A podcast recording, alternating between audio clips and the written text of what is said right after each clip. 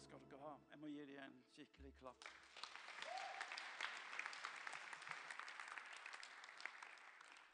You're never gonna let me down. You're never gonna let me down. Det er litt av en statement. Så vi synger denne sangen, og som vi åpner opp for i våre hjerter. Og så er det jo slik at eh, ja, men, sier, sier mennesket nei til dette? Er det mulig at mennesker som ikke går i kirke eller bedehus, eller har et forhold til en Gud, at de egentlig takker nei til å erfare at en Gud er god?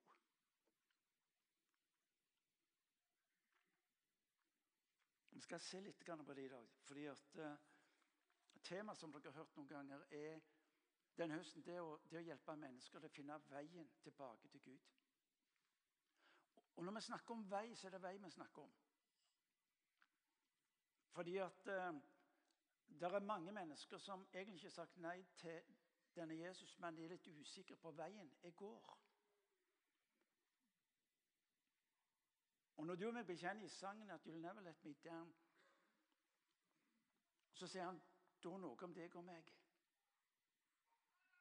For Gud er nær i den grad han får lov til å være nær ved ditt og mitt liv.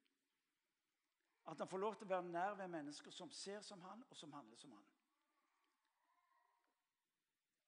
Å hjelpe mennesker til å finne veien tilbake til Gud. Det er kirka sitt hovedoppgave. Alt annet er bonus. Og Det betyr at eh, vi får lov til å møte mennesker der mennesker er. Vi får lov til å berøre mennesker med det vi tror vi har mottatt. Og så kan det til tider innebære at du og meg må si nei.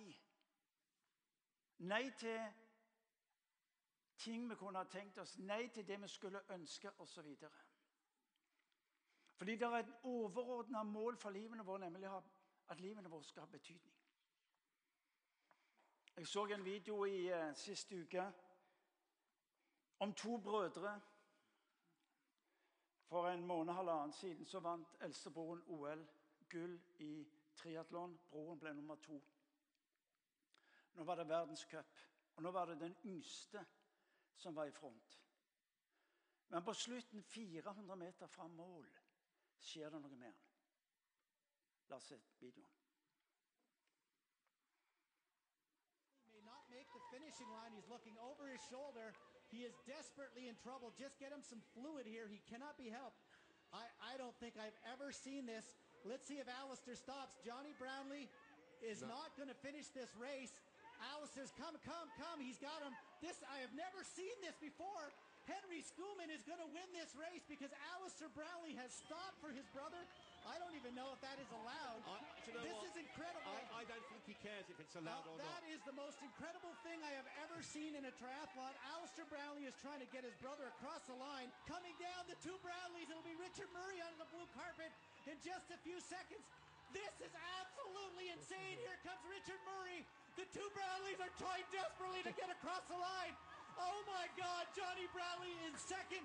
It will be third across the line, Alistair Brownlee, and then can Mario Mola be fourth? That is the most insane last few meters. Please show me the path picture. Just won the most insane final two minutes of racing I've ever seen in triathlon. And whether that was legal or not Yeah. between the Brownies, That is it the wasn't, most it wasn't about brotherly thing. Brotherly love. that was what it was. Oh Simple. Alistair og Johnny Brownlee. Broren kunne ha vunnet. Han kunne ha vunnet. Men når han så hvordan broren hadde det, så stopper han opp. Og Så legger han armen rundt han, og så sikrer han at broren kommer i mål. Før han.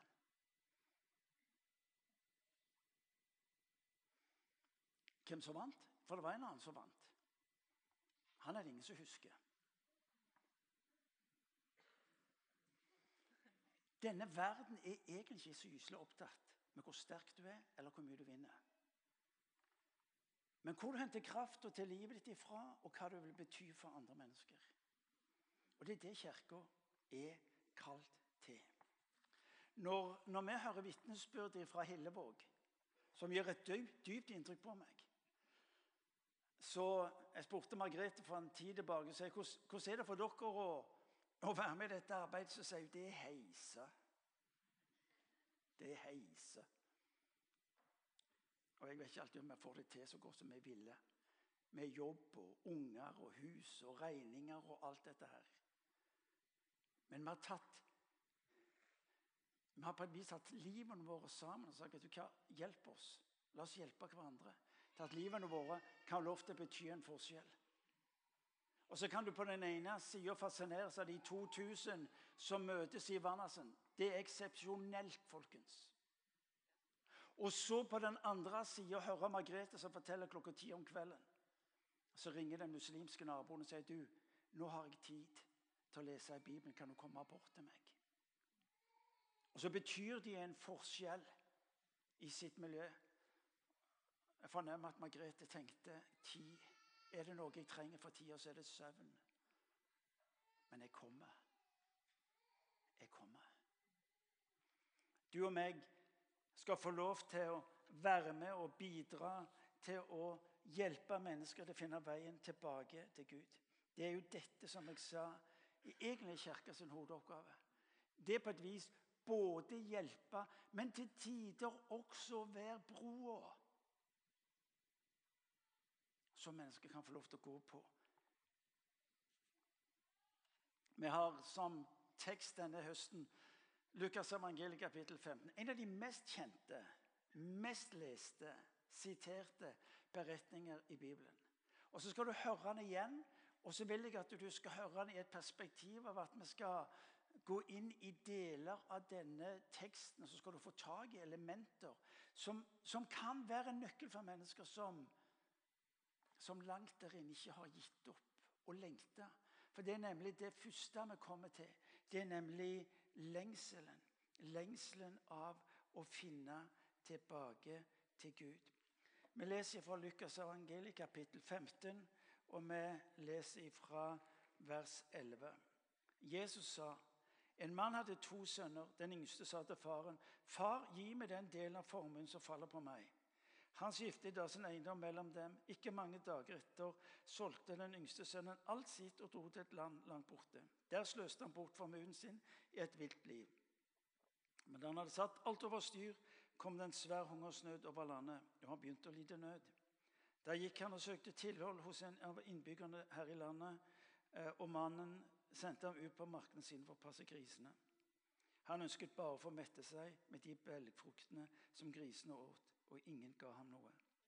Da kom han til seg selv, og han sa, 'Hvor mange leiekarer hjemme hos min far har ikke mat i overflod, mens jeg går her og sulter i hjel?' 'Jeg vil bryte opp og gå til min far og si:" 'Far, jeg har syndet mot himmelen og mot deg.' 'Jeg fortjener ikke lenger å være sønnen din, men la meg få være som en av leiekarene dine.' Dermed brøt han opp og dro hjem til sin far. Første kapittel i serien den høsten er en oppvåkning for lengsler. Hvilke lengsler som drog denne sønnen ut av huset, ut av familien. Hvilke lengsler som drog sønnen inn i et miljø, inn i en setting hvor vi vil si at mesteparten gikk over styr. Så blir til slutt spørsmålet mens han sitter der, på den ene siden overflod og på den andre siden i dyp fattigdom, så, så, blir spørsmålet hva type lengsel vil jeg fortsette å være fornøyd med der jeg er nå? Eller vil jeg realisere drømmer og lengsler som tar meg til et annet sted? Det interessante er der med, med lengsler, med spørsmål om hvorfor, hvorfor jeg her? For det starter jo allerede tidlig. Vi merker det som barn. Barna begynner å fortelle om de ønsker å de ønsker å bli noe. Hva skal du bli når du blir stor? Du ønsker å bli lærer eller lege eller brannmann eller fallskjermhopper. Hva skal du bli når du blir stor? Og så blir egentlig spørsmålene som er rettet til de små, egentlig noe som bekrefter det som ligger dypt i oss. Nemlig et ønske, behov for å bety noe. At livet mitt må ha mening utover at jeg bare skal vokse opp og så leve et liv på Jabnå. Vi hørte vitnesbyrdet eh, for, en tid tilbake, og Bjørn Kåre sitter her. Altså, han, han treffes av noe som løser ut, og så ender opp at han stiller nye spørsmål. Ja, Livet mitt må jo være mer enn dette. Men livet må jo få betydning. Og så er det en bevegelse i livet ved at en begynner å stille nye spørsmål. Sønnen hadde gjort altså det ødeleggende til sitt mål. Sønnen hadde gjort det til mål som gikk på at nå skal jeg nyte, oppleve mest mulig. Og han visste at det var i konflikt med alt det det representerte med hensyn til historie og familie. Bibelen har ett grunnleggende ord å si inn i dette, og det er at du er skapt med en hensikt. Det står i Efeserbrevet kapittel 2 vers 10 så leser vi at Paulus sier, sier to ting fra vers 8. For av nåde er dere frelst ved tro. Det er ikke deres eget verk, men det er Guds gave. De hviler ikke på gjerningen for at ingen skal skryte av seg selv.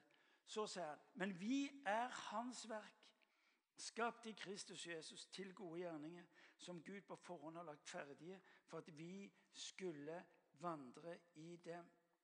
Vi er, står der, Hans verk. Eh, på grunntekst betyr det mesterverk. Masterpiece. Altså, du og meg er skapt eh, med en bestemt, gedigen mening. Og så blir det for deg og meg et spørsmål hvordan kan jeg leve ut denne meningen. På hvilken måte kan jeg få lov til å vite det som er hensikten med livet mitt? Hvorfor er hensikt med livet så viktig? Noen få grunner. Det å vite hensikten, det gir mening med livet. Hvis jeg ikke har en hensikt med livet, så er det tilfeldigheten som styrer meg. Og da gjør det jo egentlig ikke så farlig hvor jeg ender opp henne. Vi ble skapt for at livet skulle ha mening. Og når livet har mening, vet du hva? da tåler livet nesten hva som helst. Hvis livet ikke har en mening, så er det omstendighetene som styrer, og livet blir for mange uutholdelig. Håpet er nettopp knytta til mening. De gjorde en undersøkelse for ikke så lenge siden. Og det interessante er den viktigste faktoren i et menneskes liv på at livet skal være godt, er ikke primært at jeg har tilgang til all form for nytelse, all form for fornøyelse, alt det som måtte være av det ytre. Men det måtte være en opplevelse av å være en del av en større historie. At livet mitt har en hensikt. Uten hensikt så mister jeg meningen med livet. Det å vite hensikten med livet, det forenkler livet. Når jeg vet hva som er hensikten med livet, ja, så har jeg plutselig fått en referanse for valgene mine. Uten en klar hensikt så har jeg altså ikke noe grunnlag for hvordan jeg skal basere valgene mine på, bestemmelser, hvordan jeg skal avsette tida, hvordan jeg skal bruke ressursene. Det er tilfeldighetene som styrer. Hensikten hjelper meg til et forenkla liv. Tre, det, det, det, å vite hensikten gir meg òg et fokus på livet. Uten en klar hensikt så vil jeg altså hele veien skifte retning på livet. I dag er det kult, gjør jeg det. I morgen er det som er kult, og så gjør jeg det. Og så håper jeg at livet mitt neste gang egentlig skal bli bedre. Paulus sier i Efeserbrevet.: Vær ikke uforstandige, men forstå hva som er Herrens vilje. Når, eh, når noen av oss når den virkelige høye alderen og ser tilbake 70, 80, 90 eller 100 år, og, og du skulle spørre ja, hva ble livet? Nei, de gjorde vel egentlig ikke så. Det ble greit nok. Hvor mange av oss vil være fornøyd med utsagnet at livet mitt var i grunnen greit nok? Men Paulus sier jeg var tro mot noe. Paulus sier jeg var tro mot den himmelske visjon. Jeg var tro mot det jeg opplevde, opplevde var Guds hensikt med livet mitt. Hvis du ikke har en hensikt, så har du ikke noe å styre livet etter, og livet ditt er et resultat av tilfeldighetene. Det å ha en hensikt med livet vet du hva? Det motiverer for livet. Hvis du ikke har en hensikt for livet, så er det som jeg har sagt flere ganger nå, da er det tilfeldigheter. Da er det det forbigående. Det har en hensikt vet du hva? med livet. Det motiverer for livet. Paulus sier, 'For meg er livet Kristus, og døden en vinning'. Det står om de første kristne at de, de akta det for tap det de måtte gjennomgå mot det å skulle få lov til å arve Kristi rettferdighet en gang der framme. Livet ditt får et utgangspunkt for vurdering som er helt avgjørende. Og det siste på det som går på, på hensikt Det å vite hensikten med livet i en kristen kontekst, det forberedte meg for himmelen. Guds hensikt med ditt og mitt liv er ikke bare en linje i en eller annen retning, men det er også en linje oppover til det han har for oss.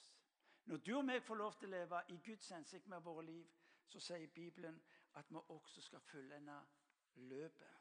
Så på den ene sida fornemmer vi der guttungen eller ungdommen eller sønnen hadde klart å søre alt over ende, og som begynner å få nye lengsler. Lengsler som tar han ut av elendigheten. Lengsler som skal ta han ut av det som han syns ble fullstendig meningsløst, nemlig sitte der og spise med grisene. Og så setter han navn på disse lengslene.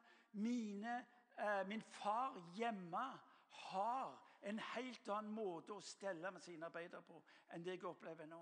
Jeg vil bryte opp. Eh, du og meg utfordres på å bygge ei bro som hjelper mennesker til å finne veien tilbake til Gud. Og så er situasjonen den, og, og Dave berører det i boka, eh, nemlig menneskets mange hvorfor. På den ene siden kan du snakke om hensikt, og på den andre siden for de som ikke har en Jesu-relasjon, de har mange hvorfor. Hvorfor som er årsak til at de ikke våger, orker eller kan tenke seg å bevege seg i en retning mot Gud. Sønnen får gå tilbake igjen til han i beretningen. Han kunne stille spørsmålene. Eh, hvorfor gikk det så gale som det gjorde? Hvorfor ble ikke livet som jeg hadde tenkt? Jeg hadde alle forutsetninger, jeg hadde pengene, jeg hadde mulighetene, og så alt gikk i lås. Det ble ikke som jeg hadde tenkt. Og så går jeg altså ensom, uten penger, og så opplever en at livet bare blir eh, elendighet. Det er mange hvorfor som driver mennesker bort ifra Gud. Kirka må våge å være nær de spørsmålene. Hvorfor lidelsen, Gud? Hvorfor lidelsen? Hvorfor tillater Gud lidelse? Dette er de mest vanligst stilte spørsmålene. Og ærlig, det er et av mine vanskeligste spørsmål når det gjelder kristen tro. Det er når jeg møter lidelsen. Og For tida syns jeg den er, den er ubeskrivelig på så mange plan. Og Jeg har ikke noe enkelt svar. Men hvis du og meg vil våge å være nær de spørsmålene om hvorfor bl.a. lidelsen, vil det for mange og for de fleste bli ei bro eh, som du hjelper dem over. For denne verden var nemlig ikke skapt slik som du ser den rundt deg. Det står i første Mosebok at det han hadde skapt, det var overmåte godt. Utgangspunktet for denne verden det er at Gud skaper en verden som er god, uten feil, uten nød, uten problemer, uten sykdom, uten lidelse. Ingen tristhet, ingen ensomhet. Ikke vold, ikke krig. Og likevel, likevel vet vi at overalt rundt oss så er det nettopp det folk opplever, nemlig smerten. Når Gud skaper mennesket i det perspektivet av å ha skapt alt godt, så skaper han mennesket med frihet. Han kunne ha skapt oss som roboter. Han kunne ha skapt oss på en slik måte at han sikret at vi ikke gjorde noe som var galt. I det øyeblikket så ødelegger du det grunnleggende, nemlig at Gud gir oss frihet. Frihet til å velge. Da Gud skapte oss, skapte han ikke roboter. Kjærligheten forutsetter valg og frihet. Hvis ikke så er det ikke kjærlighet lenger. Frihet til å velge han. Frihet til å elske han. Frihet til å fylle han. Eller frihet til ikke å elske. Frihet til å ikke fylle han. Og så leser vi beretningen om at mennesket vendte Gud ryggen, og mennesket arva helvete. Det er det historien lærer oss, og det er det Bibelen kommuniserer til oss. Og så leser vi at det var ikke bare relasjonen mellom Gud og mennesket som gikk i stykker. Hele skaperverket dras med i eh, eh, fallet. Det står en uhyre interessant eh, setning i Romerbrevet kapittel 8, eh, vers 21. Uhyre interessant. For der står det at eh, for også det skapte skal bli frigjort. Skal bli gjenopprettet fra slaveriet under forgjengeligheten og få den frihet som Guds barn skal eie i herligheten. Altså, Syndefallet med sin konsekvens har ikke bare konsekvenser for mennesker, men også for skaperverket. Og når du og meg opplever den smerte og den sorgen som det er på det mellommenneskelige planet, så opplever vi også en smerte og en lidelse som følge av det som er disharmonien også i skaperverket. Eh, så har vi spurt hvorfor kan ikke Gud bare fikse dette her, da? Eh, derfor kirka. Hvorfor kan ikke Gud bare fikse dette? Nei, fordi han har etablert sin kirke inn i denne verden til å representere det gode som mennesker en gang mista. Husker jeg, jeg, for, jeg husker for mange år siden jeg eh, reiste rundt på universitetene og hadde lange diskusjoner med ML-erne. Dere er for unge til å huske hva ML-erne var, men det var som marxist-leninistene rundt omkring. De hadde litt av en sesong. og Krydda de overalt. Fabelaktige folk. Var, de, ble, de, ble, altså en av mine modeller. For de hadde, de hadde en drøm om det klasseløse samfunnet og proletariatets diktatur. Det hadde de. Og de ofra alt for å være en del av det. Og Jeg husker at jeg, eh, en av disse besøkene mine til Bergen så møter jeg en student og, og ateist erklært og hadde oppgjør med alt hadde med kirke å gjøre. Og, og så sier hun ja, hvorfor tar ikke Gud bare og fikser opp og ordner opp i denne galskapen som dere kaller det for? Og så, det må jo være sånn for han. Og så tenkte jeg ja, jo. Og så sier jeg til henne men, men hvis nå Gud skulle ta konsekvensen av å fikse opp og fjerne all synd i denne verden Synd, kilde for ondskap i denne verden. Hvis Gud nå skulle fjerne synda, all synd, all synd ikke bare de store og åpenbare. Alle store synder vet du hva? de starter i det små. Ja, det er de vi må ta, men ikke å, langt ifra. Skal du ta det, så får du ta det ved rotet. Så jeg sa til denne studenten at ja vel, hvis du nå vil at Gud skal fikse opp og fjerne alle sekunder Han gjør det i løpet av tre sekunder. Hvor er du henne om tre sekunder?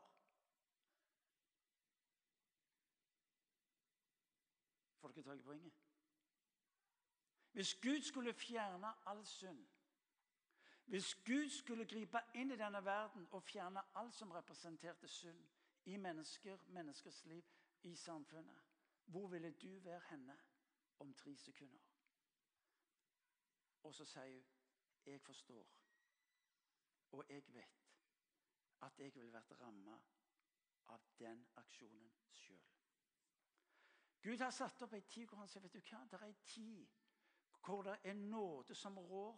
Men det er en tid hvor Gud har sagt at jeg vil handle inn i denne verden. Noen sier eh, men så, med så mye lidelse i verden kan det ikke være noen god Gud. Men hvis det ikke finnes noen Gud, hvordan skal vi da si at lidelse er galt og ikke burde eksistere? Hvis verden bare er en stor, meningsløs, kosmisk tilfeldighet, hvor livet bare handler om den sterkestes rett til å overleve Hvorfor har de da så lite en følelse av at noe er galt? Eller at lidelse ikke burde eksistere? Det er jo en del av evolusjonen. Det er jo en del av prosessen.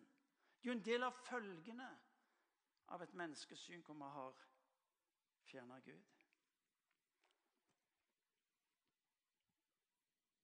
Det er en grunn til at du føler at livet ditt og verden ikke er som den burde være. Det er en grunn til at lidelsen oppleves feil og urettferdig. Og jeg tror Gud ga deg og meg nettopp de følelser, det tankesettet, den måten å forstå verden på. Din lengsel etter å se gale ting bli rettet opp og lidelsen satt en stopper for. En del av den arv som mennesket bærer med seg, skapt i Guds bilde. Jeg skal slutte, i hvert fall her. Hensikt har vi sett på. Kan jeg få neste bilde? Du skal få lov til å være en del av en noe større. Man peker på hensikten. Kan jeg få neste?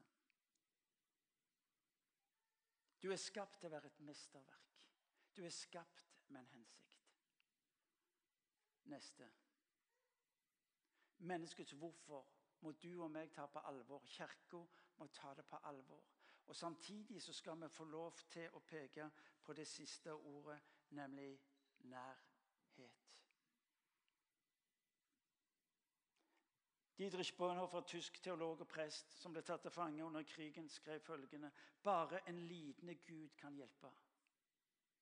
Bare en lidende Gud kan hjelpe.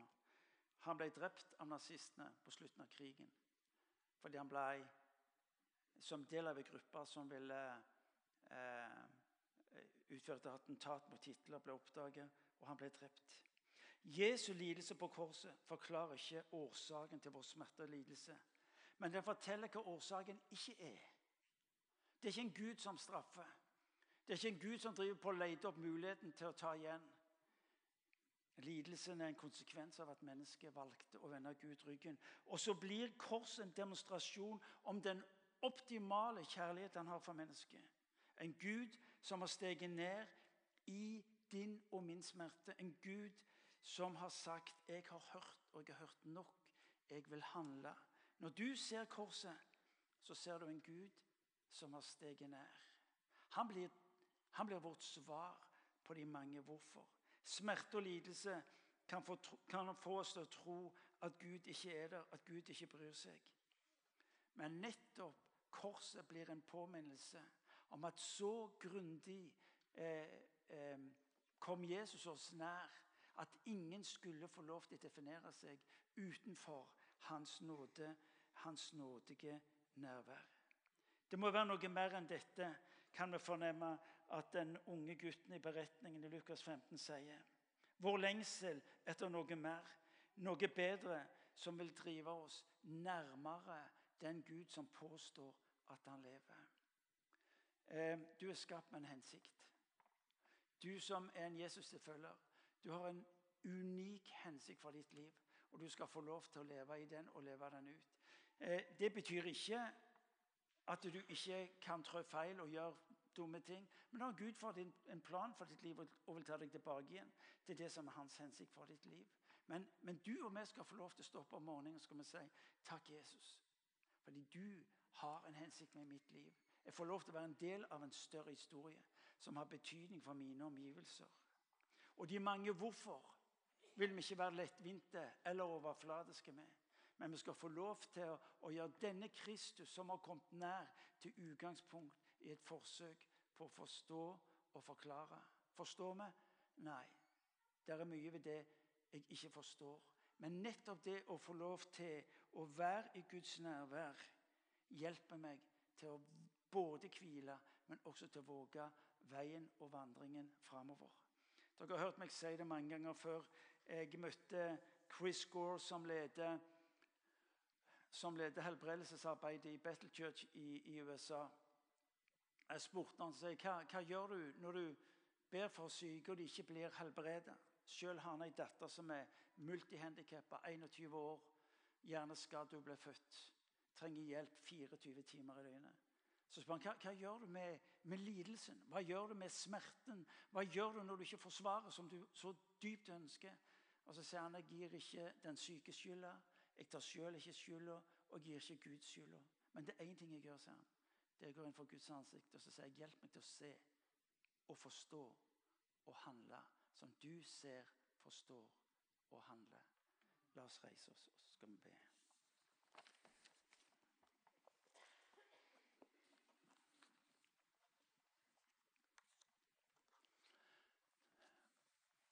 Kan jeg få lov til å legge sterkt på dere, som det heter i enkelte miljøer det å lese boka til Dave Førgesen. Eh, sørg for at grupp, cellegruppa, sørg for at huskirka får den. Sørg for at dere er klistra til denne boka gjennom denne høsten. Fordi den hjelper oss til å bygge den broa, den veien, som de som ikke kjenner Gud, trenger å få se, og som de våger å bevege seg inn på.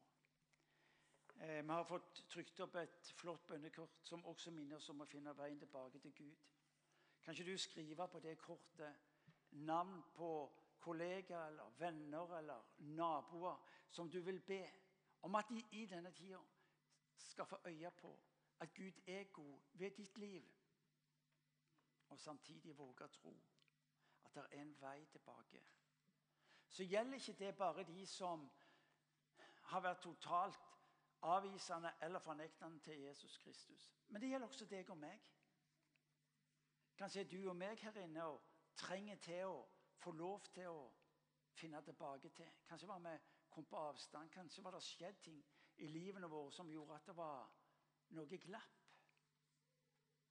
Finne veien tilbake.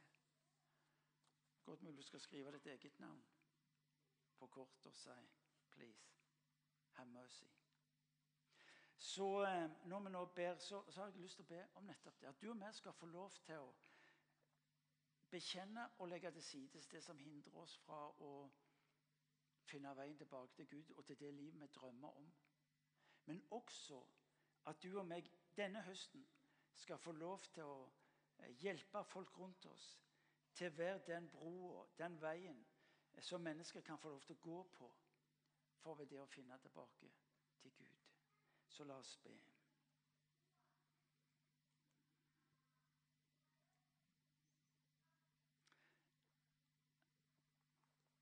Herre Jesus Kristus, du sier i ditt ord at du har hørt menneskets skrik. Du har sett et smerte, og du har steget ned. Far, vi ber om at i denne tida, i disse dagene som ligger foran oss nå, la oss få lov, Herre Jesus, til å være et folk. La oss få lov til å være i kirke, Herre, som eh, både erkjenner at de er mange tingene vi ikke helt forstår. Men hvila, tilliten, trøsten vi får lov til å ha til deg, blir det bærende. Herre, jeg ber for den enkelte av oss. La oss få lov, Jesus, til å være mennesker som for våre liv får lov til å vende tilbake til deg. Ved at vi legger av, ved at vi bekjenner våre synder. Ved at Herre Jesus, du igjen får sette oss i stand til å fullføre. Og Så ber jeg far om at vi skal få lov til Jesus til å være mennesker som virkelig lever ut den hensikt du har for våre liv. På en slik måte at våre omgivelser skjønner at vi ikke er tilfeldigheter. At vi ikke er tilfeldigheter, men at du har en vidunderlig plan, en vidunderlig hensikt med våre liv. Så jeg ber for om at du skal la oss få lov til i dag og i dagen som kommer, til nettopp å være Jesus dette disse gode bildene som gjør at mennesker våger å bryte opp. Far, vi ber om det. La oss få lov til å være et folk. La oss få lov til å være et folk, Herre Jesus, som gir nye bilder til våre omgivelser, slik at de skjønner at du er god.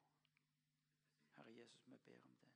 La oss som kirke, Herre, få lov til å møte folks lengsler på en slik måte at folk får mot til å bryte opp og gå hjem. For vi tilber deg, og vi opphøyer ditt hellige navn. Amen.